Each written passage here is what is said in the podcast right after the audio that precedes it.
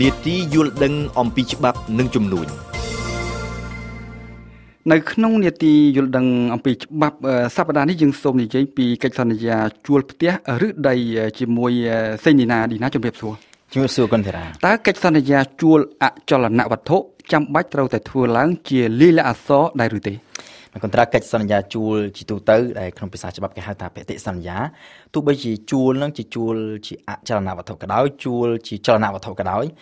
ក្នុងច្បាប់គឺមិនតម្រូវថាត្រូវតែធ្វើកិច្ចសន្យាជាលិលាអក្សរទេលើកលែងតែក្នុងករណីពិសេសណាមួយដែលមានច្បាប់កំណត់ច្បាស់លាស់ច្បាប់ផ្សេងណាមួយកំណត់ប៉ុន្តែនៅក្នុងក្របក្រមរដ្ឋប្រវេណីក្នុងមាត្រា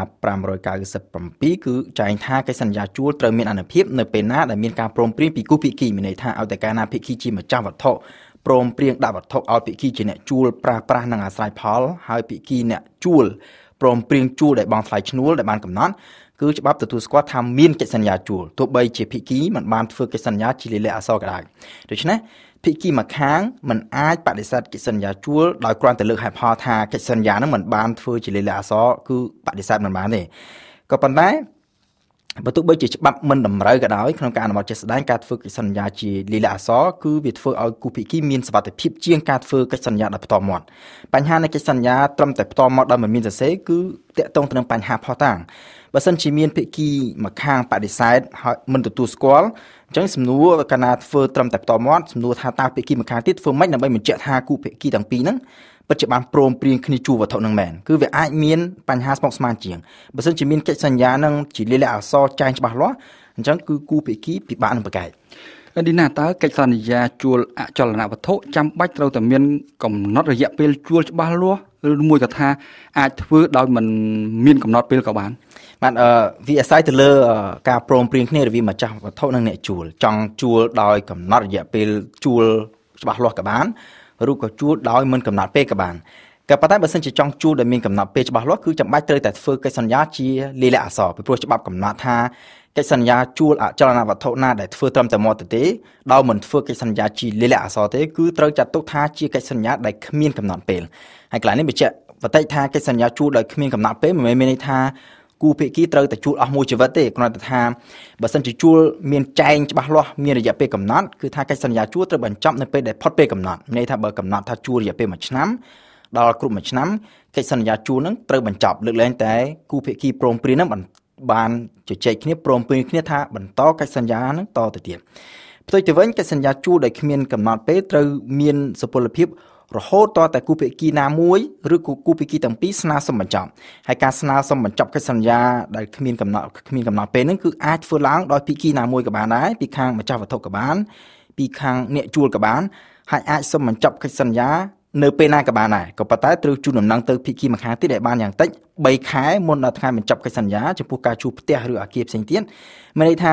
ម្ចាស់ផ្ទះមិនមែននឹកឃើញថាចង់ជប់ជួលក៏ប្រាប់ទៅអ្នកជួលថារើចេញភ្លាមភ្លាមប្រាប់ថ្ងៃហ្នឹងឲ្យរើចេញស្អែកបានទេហើយអ្នកជួលក៏មិនអាចថាអេចង់ចេញអឺក៏ប្រាប់ទៅម្ចាស់ផ្ទះថ្ងៃហ្នឹងហើយស្អែករើចេញទៅក៏មិនអាចបានដែរ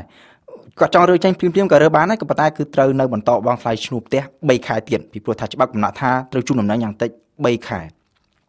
ចំពោះការជួលដីធ្លីការសម្បញ្ចប់កិច្ចសន្យាគឺត្រូវមានការជូនដំណឹងទៅពីគីម្ខាងទៀតយ៉ាងតិច1ឆ្នាំនេះ ខុសពីករណីជួលអាគារដែលត្រឹមតែ3ខែហើយបើសិនជាដីដែលជួលនឹងជាដីកសិកម្មមានរដូវដាំដុះប្រមូលផលការបញ្ចប់កិច្ចសន្យាជួលនឹងគឺត្រូវធ្វើឡើង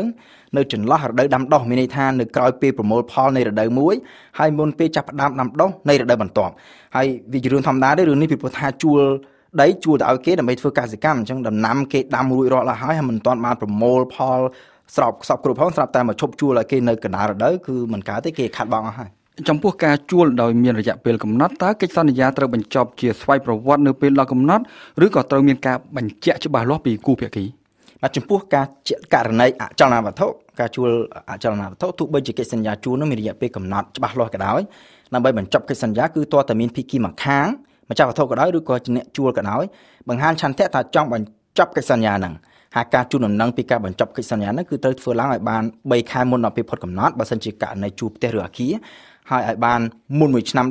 មុនដល់កំណត់បើសិនជាការជួលដីបើសិនជាផុតរយៈពេលហ្នឹង3ខែឬក៏មួយឆ្នាំតាមករណីអាគារឬក៏ដីផុតរយៈពេលហ្នឹងមិនមានពីគីណាមួយបង្ហាញឆន្ទៈថាចង់បញ្ចប់កិច្ចសន្យាទេតាមច្បាប់គឺកំណត់ថាគេចាត់ទុកថាភាគីទាំងសងខាងបានយល់ព្រមក្នុងការបន្តកិច្ចសន្យានឹងជាថ្មីក៏ប៉ុន្តែក្នុងករណីហ្នឹងកិច្ចសន្យាដែលបន្តថ្មីហ្នឹង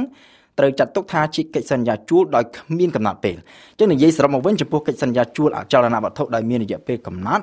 ពេលជិតដល់កំណត់វាអាចមានករណី3យ៉ាងទី1គឺមានភាគីម្ខាងសុំបញ្ចប់កិច្ចសន្យាដោយជូនដំណឹងទៅភាគីម្ខាងទៀតទៅតាមពេលដែលកំណត់ដូចយើងបានលើកឡើងខាងលើក្នុងករណីហ្នឹងគឺកិច្ចសន្យាត្រូវបញ្ចប់ ករណីទី2គឺគូភាគីអាចជជែកគ្នាព្រមព្រៀងគ្នាបន្តកិច្ចសន្យានឹងជាថ្មីទៀតក្នុងករណីហ្នឹងគឺគូភាគីគាត់អាចកំណត់ពេលវេលានៃកិច្ចសន្យានឹងជាថ្មីក៏បានយកពេលដូចមុនយូរជាងមុនតិចជាងមុនឬក៏ឲ្យថ្លៃឈ្នួលដូចមុនខុសពីមុនគឺទៅតាមការជជែកការព្រមព្រៀងគ្នាករណីទី3គឺថាបើសិនជាមិនមានភាគីណាមួយបង្ហាញពីឆន្ទៈចង់បញ្ចប់កិច្ចសន្យានឹងទេកិច្ចសន្យាចាស់នឹងត្រូវបន្តជាថ្មីនៅក្នុងលក្ខខណ្ឌដដែល ថ្លៃឈ្នួលដដែល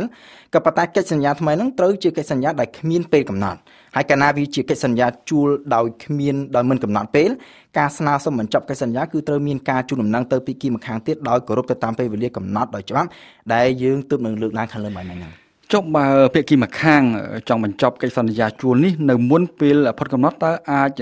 ទៅរួចដែរឬទេបាទក្នុងករណីហ្នឹងគឺបានបើសិនជាក្នុងពេលដែលចុះកិច្ចសន្យាភាគីម្ខាងឬក៏ភាគីទាំងសងខាង រក្សាសិទ្ធិបញ្ចប់កិច្ចសន្យាមុនផុតពេលកំណត់កន្លែងនេះគឺមានចែងនៅក្នុងមាត្រា616នៅក្នុងក្រមរដ្ឋប្រវេណីខ្មែរក្នុងករណីហ្នឹងភាគីដែលស្នើសុំបញ្ចប់កិច្ចសន្យាគឺត្រូវជូនដំណឹងទៅភាគីម្ខាងទៀតដោយគោរពទៅតាមពេលវេលាដូចក្នុងករណីកិច្ចសន្យាគ្មានកំណត់ពេលដែរគឺថាយ៉ាងតិច3ខែសម្រាប់ការជួលអគារនិងយ៉ាងតិច1ឆ្នាំសម្រាប់ការជួលដីធ្លី ជាសំណួរចុងក្រោយនៅក្នុងអំឡុងពេលជួលបើសិនជាមានការខូចខាតណាមួយកើតឡើងលើអចលនវត្ថុតើអ្នកណាជាអ្នកទទួលបន្ទុកជួសជុលតាមមាត្រា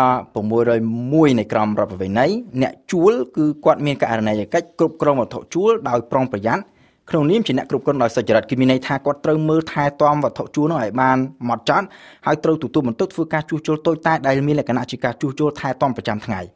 រីឯការ ការជួសជុលធំធំដែលចាំបាច់ដើម្បីធានាការប្រើប្រាស់និងការអាស្រ័យផលនៃអចលនវត្ថុជួលដូចជាឧទាហរណ៍ថាមានជញ្ជាំងប្រេះត្រូវបិទផ្ចិតឡើងវិញ មានទ្វារបង្អួចពុកបាក់បិទលែងចិត្តត្រូវបដូរថ្មីឬក៏ដបូល ដបូលផ្ទះចាស់លិចទឹកត្រូវធ្វើថ្មីឡាវាគឺជាបន្ទុករបស់ម្ចាស់វត្ថុកន្លែងនេះគឺមានចាស់ច្បាស់នៅក្នុងមាត្រា602នៃក្រមរដ្ឋប្រវេណីក៏ប៉ុន្តែបើសិនជាការខូចខាតទាំងអស់នោះវាកើតឡើងពីទង្វើរបស់អ្នកជួលឬក៏វាអាចជាការខូចខាតដោយសារតែអ្នកជួលមិនបានប្រើប្រាស់ឲ្យសមរម្យឬក៏ដោយសារធ្វើធ្វេសប្រហែសមិនបានគ្រប់គ្រងថែទាំវត្ថុជួលឲ្យបានហ្មត់ចត់ទៅតាមករណីកិច្ចរបស់គាត់ក្នុងករណីហ្នឹងគឺអ្នកជួលដែលជាអ្នកត្រូវទទួលបន្ទុកជួសជុល